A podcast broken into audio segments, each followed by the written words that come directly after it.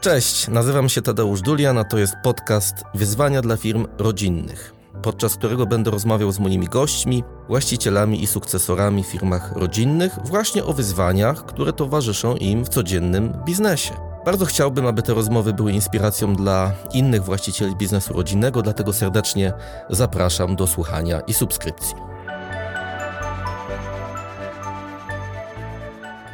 Moi drodzy, bardzo się cieszę znowu. Za każdym razem, jak nagrywam kolejny podcast, to mówię, że się cieszę, ale naprawdę się cieszę, bo teraz moim gościem będzie ktoś zupełnie wyjątkowy. Młody lider, sukcesor firmy rodzinnej, współzarządzający, współwłaściciel biznesu piekarniczo-cukierniczego z wielkimi tradycjami, dobrze rozpoznawalny w Warszawie, szczególnie brand, marka w zasadzie chyba do zauważenia na każdym rogu, prawie na każdej ulicy. I już się Państwo domyślają, że naszym gościem dzisiaj jest nie kto inny, tylko Grzegorz Putka, współzarządzający firmą Piekarnie i Cukiernie Putka. Dobrze mówię? Tak, dzień dobry, witam Państwa, witam Pana. Super. No i ja się strasznie cieszę, dlatego że ten podcast nagrywamy w takim momencie, kiedy jesteśmy po takim wspólnym procesie, który trwał kilka lat pisania konstytucji rodzinnej dla Was. Trochę czasu razem spędziliśmy. Były te nasze dyskusje podczas wywiadów indywidualnych, potem warsztaty rodzinne z wszystkimi członkami rodziny. Na początku również z seniorami, później już bardziej w gronie tym sukcesorskim trzeciego pokolenia, prawda? No bo tak. w sumie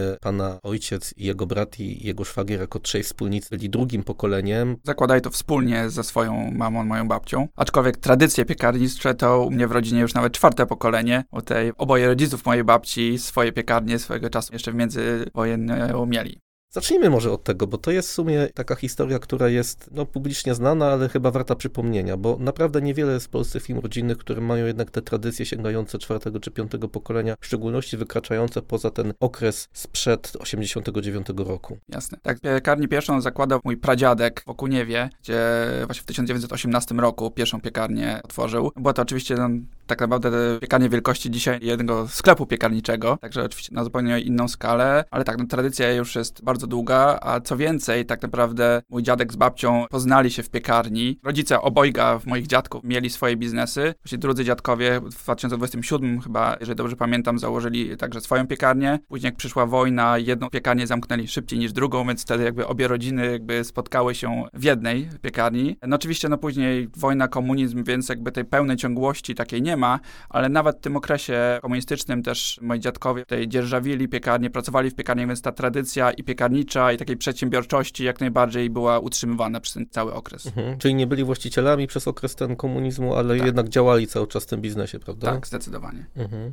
I później w 1983 roku, jak tutaj zaczęła się powolna odwilż, to był projekt prezydenta Warszawy Piekarni Liputów, gdzie tam każda dzielnica miała mieć swoją piekarnię, to moi dziadkowie jako tutaj wieloletni piekarze dostali dostali taką licencję na prowadzenie takiej piekarni i praktycznie od razu poprosili swoje dzieci o jakby pomoc, o współpracę. Już od pierwszego dnia ta piekarnia była jakby wspólnie zakładana, prowadzona. Szczególnie, że mój tata na przykład był inżynierem, więc też a ta piekarnia trzeba było wybudować, więc inżynierem budowlanym też to jeszcze pomagał od razu, tak. Ale tak naprawdę tak samo pozostali, czy jeszcze jego brat i szwagier też od samego początku tutaj uczestniczyli w tworzeniu tej firmy. Mhm. Dzisiaj jesteście w szczególnym momencie, bo tak naprawdę to wy już jako drugie pokolenie zarządzacie tą firmą, prawda? Wasi rodzice stwierdzili, że to już jest ten moment, kiedy warto się wycofać, troszeczkę zwolnić, przejść może nie w stan zupełnego spoczynku, bo ja zakładam, że jako założyciele, liderzy z takim dużym bagażem doświadczenia cały czas będą gotowi do tego, żeby wam pomagać i wskazywać może pewne kierunki, czy też doradzać. No jednak jak dzisiaj patrzymy na wasz zarząd, na te zmiany, które nastąpiły, no to wy jesteście już w trzecim pokoleniu tymi liderami w osobie waszej czwórki, pana, pani Zuzanny, czyli siostry Bartka i Ani.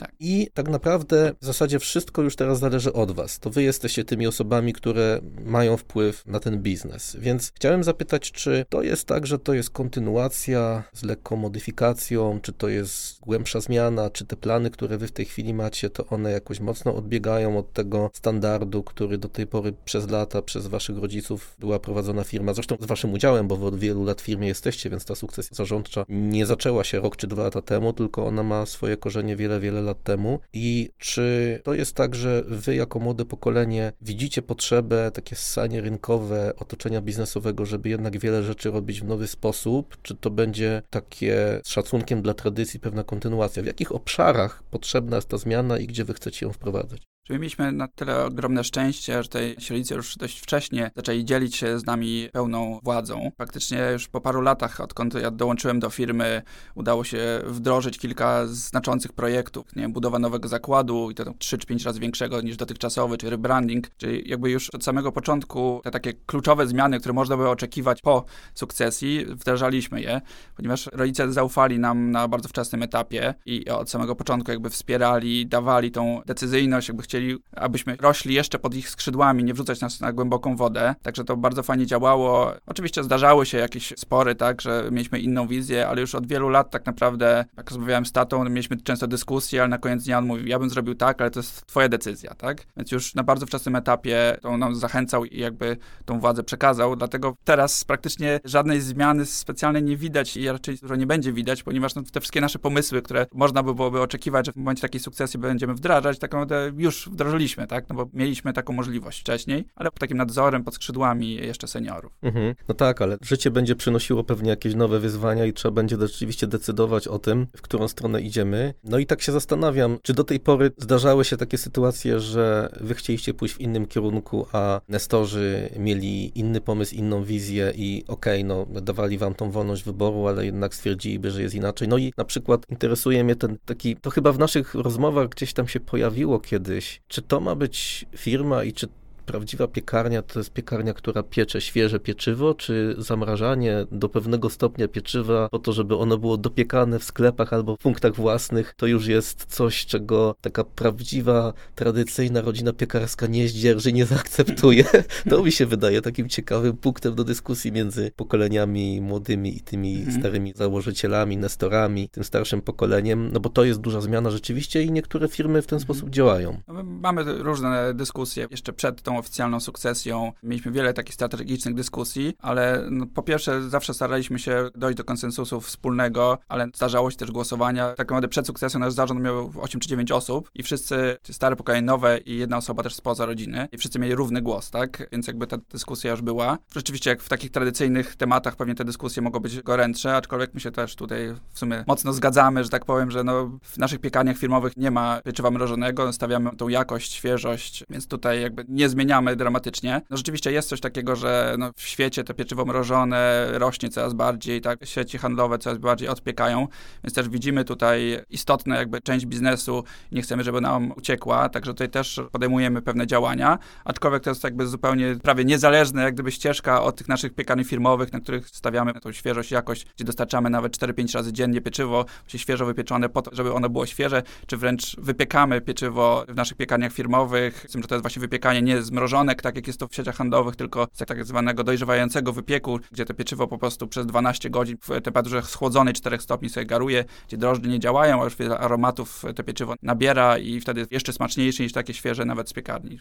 I trochę to jest takie pójście w kierunku klienta. Dla każdego klienta to, czego on chce. Niektórzy akceptują fakt, że to pieczywo jest dopiekane gdzieś tam w sklepach czy w punktach własnych i takie chętnie kupią i to jest dla nich ok, a niektórzy właśnie uważają, że jednak tradycyjnie świeże pieczywo natychmiast kupione zaraz po wypieczeniu to jest to, czego chcemy, prawda? I rozumiem, że wy tą jakoś utrzymujecie i tą możliwość klientom dajecie. Tak, dokładnie. No, no są różne segmenty, tak jak pan wspomniał, klientów indywidualnych i tych firm odbiorców, także staramy się jakby dopasowywać. No, jesteśmy też już na tyle dużą firmą, że no, jesteśmy w stanie stanie w kilku kierunkach naraz podążać. Mhm. Tak jeszcze się zastanawiam nad takim ciekawym wątkiem, że was jest teraz czwórka i też macie różną historię przychodzenia do firmy i no, pana historia jest taka, że pan trochę czasu spędził w firmach doradczych, w korporacjach takich międzynarodowych. Przyszedł pan do firmy macierzystej rodziców po nabraniu takiego doświadczenia zewnętrznego. Pozostali członkowie waszego obecnego zarządu, czy pana siostra, czy kuzyni, raczej swoją historię związali od początku prawie z firmą. No i ja się zastanawiam, czy tutaj nie ma takiego czegoś, że trochę inne są podejścia do zarządzania, do rozwiązywania pewnych problemów, też do wizji, do strategii z ich strony i z pana strony. Czy to jest tak, że to, co pan wnosi ze swojego doświadczenia takiego korporacyjnego, firmy doradczej, to waszą firmę wzbogaca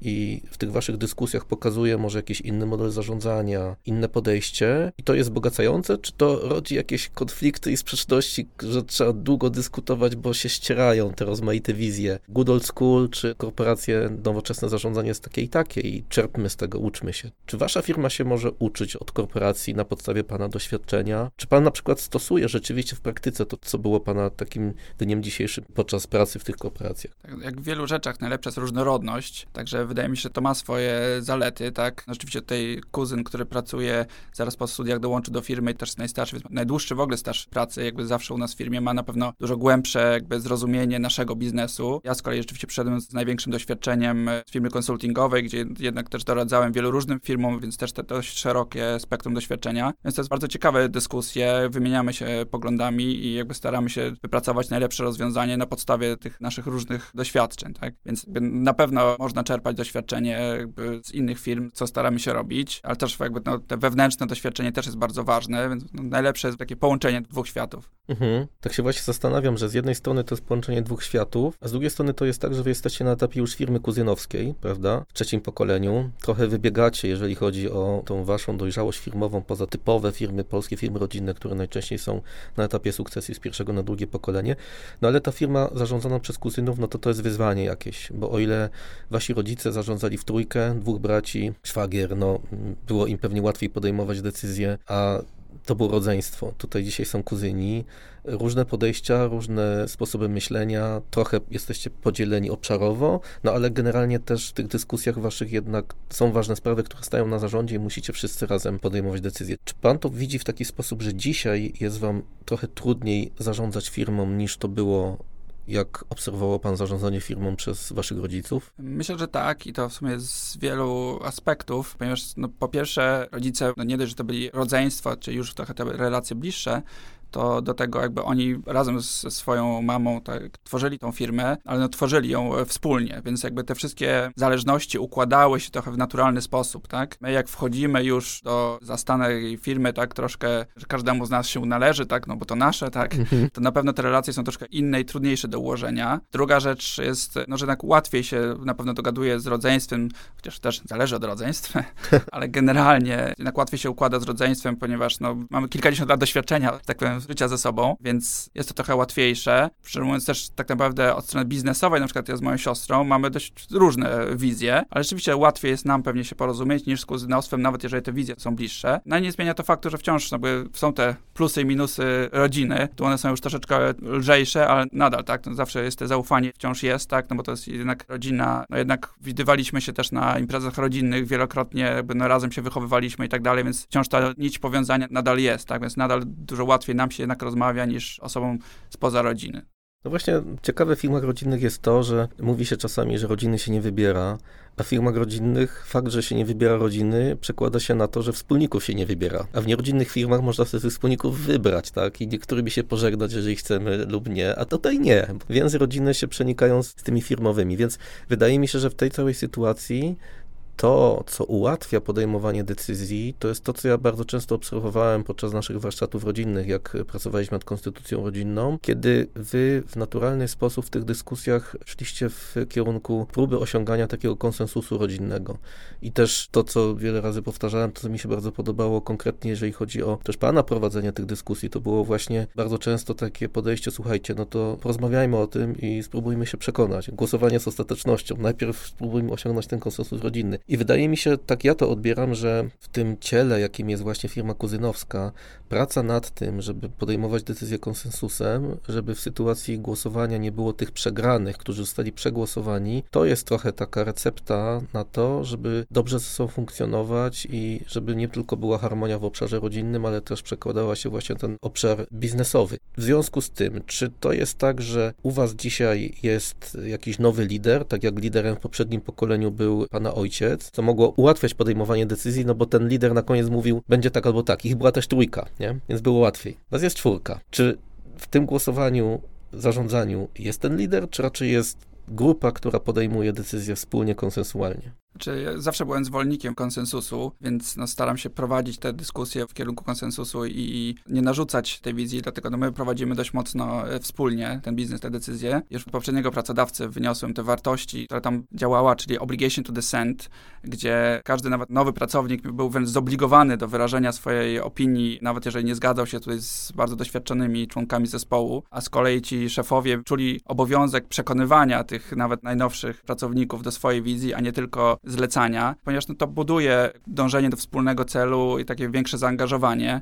Dlatego jestem zwolennikiem tej wizji także teraz na wszystkich szczeblach u nas w firmie, ale rzeczywiście no, na tym poziomie właścicielskim, zarządczym jest to szczególnie ważne, szczególnie właśnie w tym kontekście rodzinnym, a jeszcze bardziej szczególnie, ponieważ wszyscy wspólnicy jednocześnie są w tej kadrze zarządzającej, tak? Więc no, mamy wiele możliwości, jak to też jest w ludzkiej naturze, że gdyby kogoś nas przegłosować, on by się z tym nie zgadzał, to ma wiele możliwości udowodnienia nam, że to nie była racja, wręcz podkładania jakichś tam kłód i tak dalej, a jednocześnie takie osoby też nie możemy zwolnić za to, że tutaj nam rzuca kłody pod nogi, więc tym bardziej jest to istotne, żeby jednak znaleźć ten wspólny mianownik, wspólny cel. Oczywiście oznacza to czasem, że te decyzje są może mniej stanowcze, czasem bardziej odwlegane w czasie, no ale jak już podejmiemy jakąś decyzję, to jest ona bardziej uzgodniona i łatwiej dążyć do wspólnego celu. Czyli taka stabilna, prawda? Niektórzy się dali przekonać, wszyscy się po tym podpisują, w związku z tym nikt tego nie będzie torpedował, nikt nie będzie stał z boku i potem jak się nie uda, to nie powie, a widzicie, mówiłem, a ja miałem rację.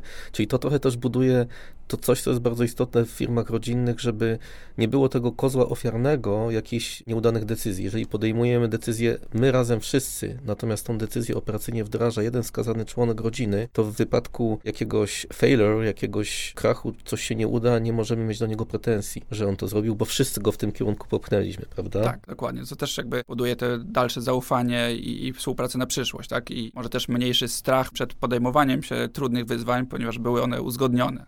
Mówi się czasem o takich dobrych relacjach, jak kogoś znam od wielu lat i ufam mu, że nie jedną beczkę soli razem się zjadło, prawda? I to jest chyba właśnie to, że jeżeli są jakieś sukcesy, świętujemy je razem, a jak są porażki, to mamy poczucie odpowiedzialności wspólnej za te porażki. To rzeczywiście buduje i łączy. Czyli trochę to znowu wracamy do tego mojego poprzedniego pytania, że coś z tego takiego nowoczesnych form zarządzania, czy komunikacji, czy podejmowania decyzji, które są typowe dla niektórych korporacji, dało się przełożyć na rzeczywistość waszej firmy rodzinnej. Tak, znaczy to nigdy nie było u nas taka na wartość, znaczy nie była wdrożona jako zasada, ale no takimi, mam nadzieję, trochę moimi działaniami po prostu starałem się w tym kierunku też naprowadzać jakby całą organizację. No tak, nie pamiętam teraz dokładnie gdzie, ale kilka razy czytałem o tym, że w firmach amerykańskich coraz modniejsze jest to, że jeżeli jest narada, podczas której pracownicy przekonają szefa, nawet współwłaściciela o tym, że należy inny model wdrożyć, no to on nie ma prawa na siłę jednoosobowo tego zmieniać, prawda? I to jest chyba ten model, który buduje motywację, buduje zaangażowanie, buduje poczucie, że ten pracownik rzeczywiście ma wpływ na to, co robi. Zdecydowanie. No i rzeczywiście efektem tego jest no raz, że my w czwórkę tutaj nadal dobrze współpracujemy, ale także na tych niższych szczeblach u nas praktycznie nie zdarza się, żeby ktoś tutaj z tych kluczowych pozycji od nas odchodził. Nawet jak ostatni był przypadek, że jedna to pani technolog na tle model chciała jeszcze poszukać innych wyzwań, to po niecałym roku wróciła. Także no, te wartości też jakby takiego zaangażowania pracowników też dużo pozytywnych stron przynoszą. Mhm. No to jest strasznie takie budujące, jak się okazuje, że ktoś wraca, dlatego że okazuje się, że jednak nasza kultura organizacyjna, którą mamy w naszej firmie, w zderzeniu z konkurencją rynkową innych pracodawców wygrywa, prawda? Tak, zdecydowanie. Też była w ogóle ciekawa historia. Nawet jak ta dziewczyna już powiedziała, że przychodzi, wszyscy ją próbowali przekonywać. Osobiście nawet jak się z nią spotkałem, posłuchałem jej, stwierdziłem, słusznie, dobry pomysł, tak? Jesteś młoda, zdobądź doświadczenie. Mam nadzieję, że wrócisz. I wróciła. Super, nam się też tak zdarza czasami, że mówimy, no to idź, szukaj czego potrzebujesz, znajdź to, a jak nie znajdziesz, to wracaj do nas. I rzeczywiście nasi koledzy wracają dosyć często, co nas cieszy, bo to znaczy, że ta nasza kultura firmowa też jest y, dobrze zbudowana na solidnych fundamentach i na dobrych wartościach. Chciałem zapytać jeszcze o leadership, o przywództwo, bo w poprzednich pokoleniach mówił pan, że tam jak była ta trójka decydentów, to pana ojciec był tym liderem, który miał ostatnie słowo i to pomagało w podjęciu decyzji. Jak to dzisiaj jest u was? Pan jest tym nowym liderem w zasadzie, prawda? prawda? I teraz pamiętam podczas pracy nad konstytucją naszych warsztatów takie dyskusje, czego należy oczekiwać od lidera. Czy ta zmiana, tak, starszego pokolenia nowej, ten nowy lider, to jest dla mnie zagrożenie, czy to jest dla mnie jakaś korzyść, co mi to da, czy ten lider się mną zaopiekuje, on będzie mi pomagał rozwijać skrzydła, czy narzuci jako lider jakąś, nie wiem, nową politykę, nowy sposób patrzenia na firmę. No i chciałem zapytać, jakie są Pana przemyślenia na ten temat? Jaki powinien być lider firmy rodzinnej w trzecim pokoleniu? Tam, gdzie ten lider nie ma większości kapitałowej, tam, gdzie jest konieczność rzeczywiście tego budowania mozolnego czasem konsensusu, tam, gdzie jest konsorcjum kuzynowskie. Jakie są też oczekiwania, czy jakie mogą być oczekiwania członków rodziny czy pozostałych właścicieli w stosunku do tego lidera. Jak pan dzisiaj podchodzi do tego konceptu przywództwa? Jakie też pan sobie wyzwania stawia jako temu nowemu liderowi? Przede wszystkim no, lider firmy rodzinnej nadal jest liderem firmy, tak? Więc oczywiście tak naprawdę większość tych cech lidera tutaj także musi być zachowane, tak? Czyli przede wszystkim umiejętność motywowania pracowników, motywowania do dążenia do wspólnego celu, zadowolenia z pracy, tak? Więc to są jakby cechy uniwersalne dla wszystkich liderów w przedsiębiorstwach. A rzeczywiście ten aspekt rodzinny, w szczególności na etapie kuzynostwa, wymaga właśnie jeszcze dodatkowego, to o czym już rozmawialiśmy, czyli umiejętności budowania konsensusu. Już tak jak rozmawialiśmy właśnie, no nie można tutaj być autorytarny lider, miałby tu naprawdę trudno. Prędzej czy później doszłoby tutaj do jakichś walk rodzinnych, czy właśnie torpedowania decyzji i tak dalej. Więc myślę, że ta cecha budowania konsensusu jest tutaj w szczególności ważna, ale jednocześnie też trochę ta stanowczość, jeżeli chodzi o te sprawy rodzinne, tak? Dla takiego lidera bardzo istotne powinno być utrzymywanie tych relacji między rodziną a firmą na odpowiednich zasadach, ustalenie tych zasad, a później ich przestrzeganie, ponieważ ten zbytnie nachodzenie się tych dwóch aspektów prędzej czy później zawsze powoduje dramatyczne skutki, i to zarówno po tej stronie rodzinnej, jak i firmowej.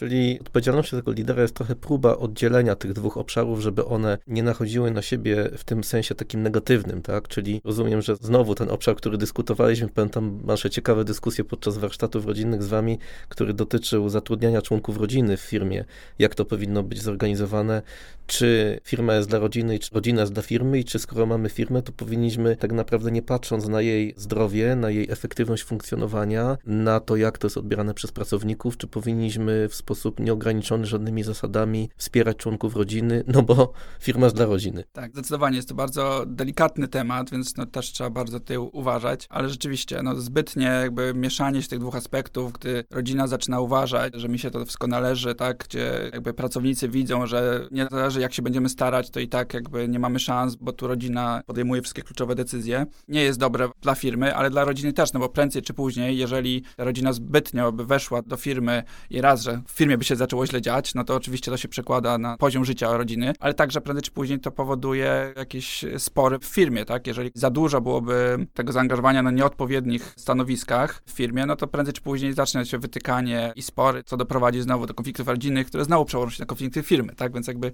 trzeba bardzo rozsądnie to rozdzielać, ale z drugiej strony to też czerpać z tej możliwości, tak? Bo zawsze jednak członek rodziny, który pracuje dla siebie, ma inną perspektywę, tak? Myśli bardziej długofalowo, pracuje na siebie, tak? To zawsze jednak troszkę zmienia punkt widzenia. No tak, no i też pewnie jest bardziej lojalny niż taki pracownik zewnętrzny, który przychodzi do firmy, jest świeży, jeszcze nie związał się emocjonalnie z firmą, no a członek rodziny to jest jedna rodzina. To bardzo często podczas naszych dyskusji na temat zatrudniania członków rodziny w firmie rodzinnej jest taki kontrargument, no dobrze, ale tą lojalność nie jest łatwo zbudować u pracownika zewnętrznego, a członek rodziny jednak przychodzi i on czuje się związany z rodziną i tą swoją lojalność przekłada na biznes. Tak, to mamy na tyle dużo szczęścia, że właśnie mamy wielu naprawdę lojalnych pracowników, wielu pracowników, którzy pracują u nas już po 20 lat, czy wręcz całe się śmiejemy, że my wcale nie jesteśmy największą rodziną, klanem rodzinnym u nas w firmie, bo po prostu ludzie ściągają wręcz członków swoich rodzin do nas, do firmy. Także rzeczywiście tutaj mamy to szczęście i zaangażowanie, oddanie, lojalność wielu pracowników. No ale mimo wszystko jakby ten członek rodziny ma swoją przewagę też widzimy, my w czwórkę nawet wszyscy sobie zdajemy sprawę, że żadne z nas nie jest e, idealne i pewnie jest wiele osób, które moglibyśmy z rynku zatrudnić i na papierze kompetencje mają dużo lepiej, może by zrobili lepszą robotę, ale jednak my ten brak kompetencji często nadrabiamy tym zaangażowaniem, myśleniem długoterminowym, tak, oddaniem, współpracą. Więc jakby, no, jak wspomniałem, wszystko ma swoje plusy i minusy, tak, i to wszystko trzeba wyważyć. Tak, i tym, że jesteście kontynuatorami pewnej tradycji, no bo wasz związek, mimo że jesteście kuzynami, wasz związek z legendarną założycielką babcią Janiną jest po prostu tak samo trwały i silny, prawda? Tak, no babcia była bardzo silną osobowością u nas w firmie. Do tej pory właśnie wielu z pracowników wspomina szefową. Do ostatnich lat swojego życia właściwie też pracowała w firmie, więc tak, to jest jakby tutaj nasza legenda rodzinna, założycielka jakby biznesu.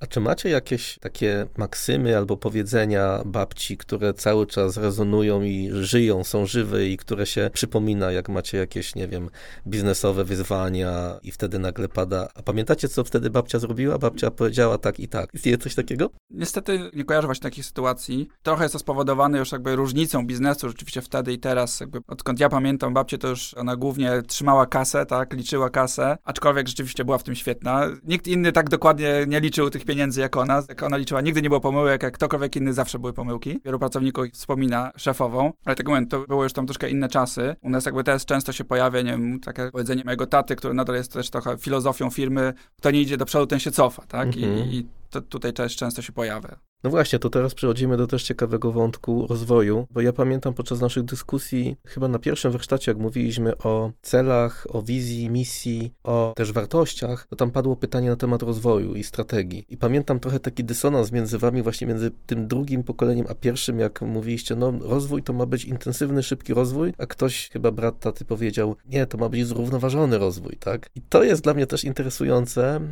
jak należy do tego długofalowego rozwoju dzisiaj podchodzić? Czy rzeczywiście jesteśmy w stanie elastycznie reagować na te potrzeby rynkowe, które powodują, że musimy nagle dużo zainwestować, licząc się z takim ryzykiem, że później na przykład tego zbytu nie będzie? Czyli znowu trochę się zastanówmy nad tym, jak to powinno być. Intensywny rozwój czy zrównoważony? Może w latach 90. wszyscy by powiedzieli absolutnie intensywnie rynek się, może dzisiaj jest inaczej, a może po pandemii wchodzimy znowu w taki okres, że jest duże oczekiwania, duży popyt i też popyt inwestycyjny i znowu będzie trzeba zwiększać moce produkcyjne i działać szybko. Czy wasze moce produkcyjne są w 100% zagospodarowane? Temat rozwoju zawsze bardzo zależy i od branży, i od pomysłu. My do tej pory mieliśmy w tą filozofię i myślę, że jednak trochę ją utrzymujemy, że rozbudowujemy się już pod istniejące potrzeby, że tak powiem, mamy bardzo rzadko takie inwestycje, typowo wybudujmy coś, potem będziemy szukać na to zbytu, tak? Mhm. Więc jesteśmy tutaj dość konserwatywni, jednak jako ta firma rodzinna, myśląca długoterminowo, jakby jeżeli nam się powinie noga, to nie jest tylko, że no, trudno,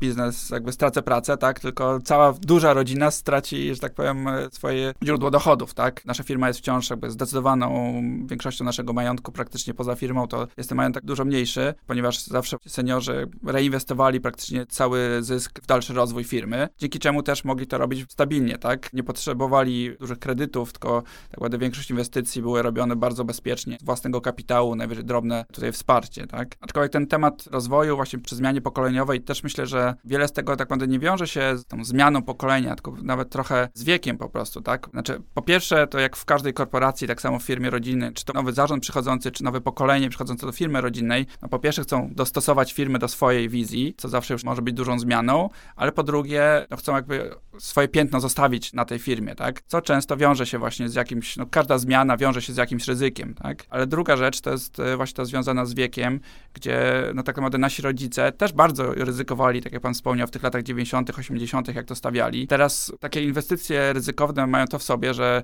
jeżeli coś pójdzie nie tak, to negatywne efekty są bardzo szybko. Jeżeli coś pójdzie tak, to pozytywność zbiera się dopiero po wielu, wielu latach, tak? Mhm. Więc no parę lat przed emeryturą po prostu można tylko stracić na, na jakichś ryzykownych inwestycjach, więc trochę nie jest to dziwne, że na tym etapie już jakby menadżerowie są mniej skorzy do ryzyka, tak? My mamy jeszcze czas, żeby te owoce zebrać, a jednocześnie jeżeli nic nie zrobimy, no to za ten dłuższy czas może jednak być widać te negatywne skutki niedziałania, tak? Mhm. Stąd jakby jest rzeczywiście większa otwartość na to ryzyko przy zmianach pokoleniowych. To chciałem jeszcze zapytać przy tej okazji, jak rozmawiamy o tym rozwoju, od razu na temat waszego podejścia do ryzyka, bo znowu postawiłbym trochę może taką tezę, że sukcesorzy, młodsze pokolenia, szczególnie w sytuacji, jak przechodzili i edukację jakąś taką biznesową, której często założyciele firmy nie mieli na nią czasu. Tutaj wspominam moją rozmowę z Andrzejem Furmanem z Aflofarmu, który mówił, że on nie miał czasu się uczyć języków ani studiować, bo od razu zaczął biznes. No i takie były realia tych lat 90., Mhm. takie były nasze początki wtedy tamtego biznesu.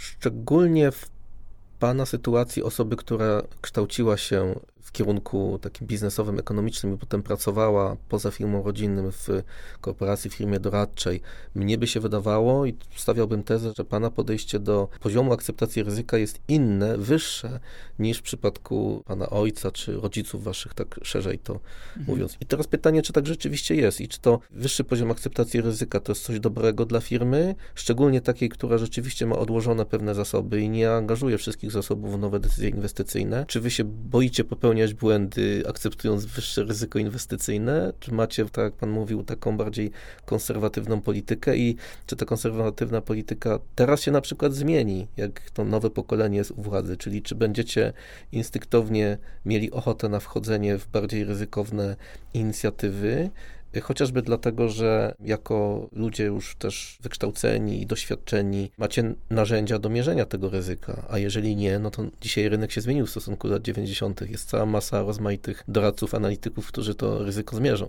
Jasne. Moje wykształcenie to wbrew pozorom nie jest finansowo-ekonomiczne, tylko jestem magistrem chemii, aczkolwiek rzeczywiście no, w mojej poprzedniej pracy, gdzie byłem, pracowałem w firmie doradczej, tam specjalizowałem się w bankowości, więc no, trochę tego doświadczenia zdobyłem jak najbardziej. No i rzeczywiście coś w tym jest, co pan mówi, że ryzyko bardziej przeraża, jeżeli ciężej jest je tak by zrozumieć, skwantyfikować. Nasi rodzice dużo bardziej bali się na przykład brania kredytów. Praktycznie cały rozwój robili z własnych środków, tam były naprawdę sporadyczne, małe pożyczki, znaczy kredyty. U nas już te kredyty się pojawiły, chociażby przy tej budowie nowego zakładu, który zupełnie wprowadził nas na inny poziom jakby przedsiębiorstwa, produkcji. Tam już było wymagane wziąć tego kredytu. Tu mieliśmy trochę dyskusji, tak, rodzice bardziej się bali. Ja szczerze mówiąc byłem przekonany, rozumiejąc dokładnie jak to działa, jakie mamy te przepływy finansowe, jak jesteśmy w stanie spłacać ten kredyt, jakie są wskaźniki, jak jesteśmy jeszcze daleko do tego granicznych wskaźników, gdzie bank by już się zaczął denerwować. Po prostu rozumiałem, że musiałoby się zdarzyć naprawdę katastrofa, żebyśmy nie byli w stanie tego kredytu spłacić. Dlatego zawsze tutaj u nas w firmie, no, nie ukrywam, że jestem największym zwolennikiem. Nie boję się tych kredytów, po prostu zdaję sobie sprawę, że one nie są zagrożeniem, tak? Mhm. No to jest trochę różnica pokoleniowa, którą ja też obserwuję u siebie, nawet w moim życiu prywatnym, bo ja też się nie boję, a moi rodzice, czy dziadkowie, czy teściowie do tego tak podchodzą, o Boże, kredyt, nie poradzicie sobie, dlaczego to robicie? Więc jest rzeczywiście różnica pokoleniowa i w ocenie, i w kwantyfikacji, i w takim otwarciu na korzystanie z tego zewnętrznego finansowania, prawda? Myślę, że tak. Też jest właśnie kwestia taka kulturowa, tak jak oni w tych czasach, jak oni zakładali biznes, w ogóle nawet ciężko było dostęp do tych kredytów, więc też jakby nie weszło to w krew, jakby w nawyk, tak? W dzisiejszych czasach to jakby wręcz dziwne jest, jeśli ludzie stukają w głowę, jak ktoś buduje biznes bez kredytu, tak? Mhm. Więc jest to rzeczywiście już trochę inna filozofia działania.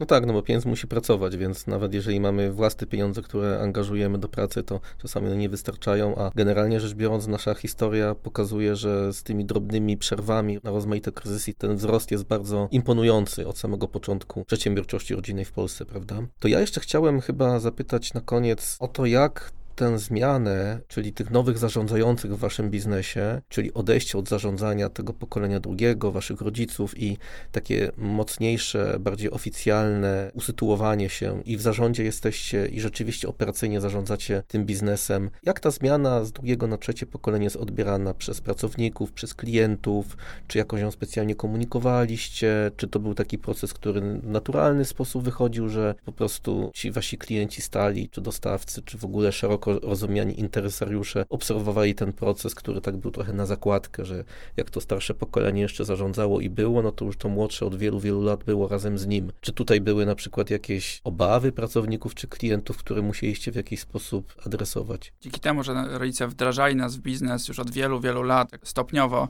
i przez ostatnie lata, co prawda prezesi nadal pod każdą istotną umową musieliśmy podpisać, to tak naprawdę było pełne zaufanie i operacyjnie to myśmy zarządzali, myśmy podejmowali te decyzje. Dlatego dla zdecydowanej większości pracowników i kontrahentów i tak my już byliśmy tą twarzą firmy, więc jakby te relacje, które myśmy do tej pory tworzyli, dla nich to jest tylko większy komfort, bo nie dość, że z nami rozmawiają, ustalają, to jeszcze podpisujemy się też my, a nie musimy przekazać, tak powiem, dalej, tak? Mhm. Więc jakby tutaj przeszło to bardzo płynnie, a trochę nawet wręcz zabrakło takiego wydarzenia, tak naprawdę w szczególności, że my połączyliśmy tą całą sukcesję z przekształceniem, więc nawet takie oficjalne poinformowanie kontrahentów to nawet też nie było o sukcesji, tylko bardziej o przekształceniu, a przy okazji. Tak. Więc wiele osób mogło nawet tego prawie nie zauważyć, że tak powiem, tak? Więc rzeczywiście to było bardzo takie płynne przejście i żadnego tutaj dłużonych, że tak powiem, wód nie było z tym związanych. Okej, okay, super. Chciałem jeszcze zapytać na koniec ostatnią rzecz o Pana biznesowe marzenie. Co jest taką rzeczą, która spowoduje, że będzie się Pan czuł spełniony w biznesie na przykład? I czy to jest powiązane też z jakimś marzeniem prywatnym, czy to są bardziej oderwane rzeczy? Nie wiem, czy to jest związane z ekspansją, czy na przykład z wizją największej piekarni w Polsce? Tak, no moim takim marzeniem, jeszcze, że tak powiem, żadnych kroków w tym kierunku nie podjęliśmy, więc nie wiem, czy się uda to spełnić, ale tak, no moim marzeniem jest takim, że jakby no, nasi rodzice zbudowali największą piekarnię w Warszawie, ja bym chciał, żebyśmy my zbudowali największą firmę w Polsce, tak, a mój syn, kolejne pokolenie, największą firmę w Europie czy na świecie, tak. Mm -hmm, Są to oczywiście, że tak powiem, duże marzenia, ale no w tym kierunku bym chciał, żeby to poszło. Tak. No, ważne jest sobie wyznaczenie pewnego celu, niezależnie od tego, czy on zostanie zrealizowany szybko, czy wolno, czy w ogóle, to jednak jeżeli to jest jakiś odnośnik, który nas pcha w kierunku tego celu i wizualizacja tej realizacji tego celu nas bardzo mocno motywuje, to to już robi swoją robotę, prawda? Tak, tak, zdecydowanie. Super, dziękuję serdecznie za rozmowę, było bardzo interesująco. Mam nadzieję, że przy kolejnej okazji kiedyś się spotkamy tutaj w naszym studiu podcastowym przy innym temacie. Dzięki serdeczne. Dziękuję bardzo.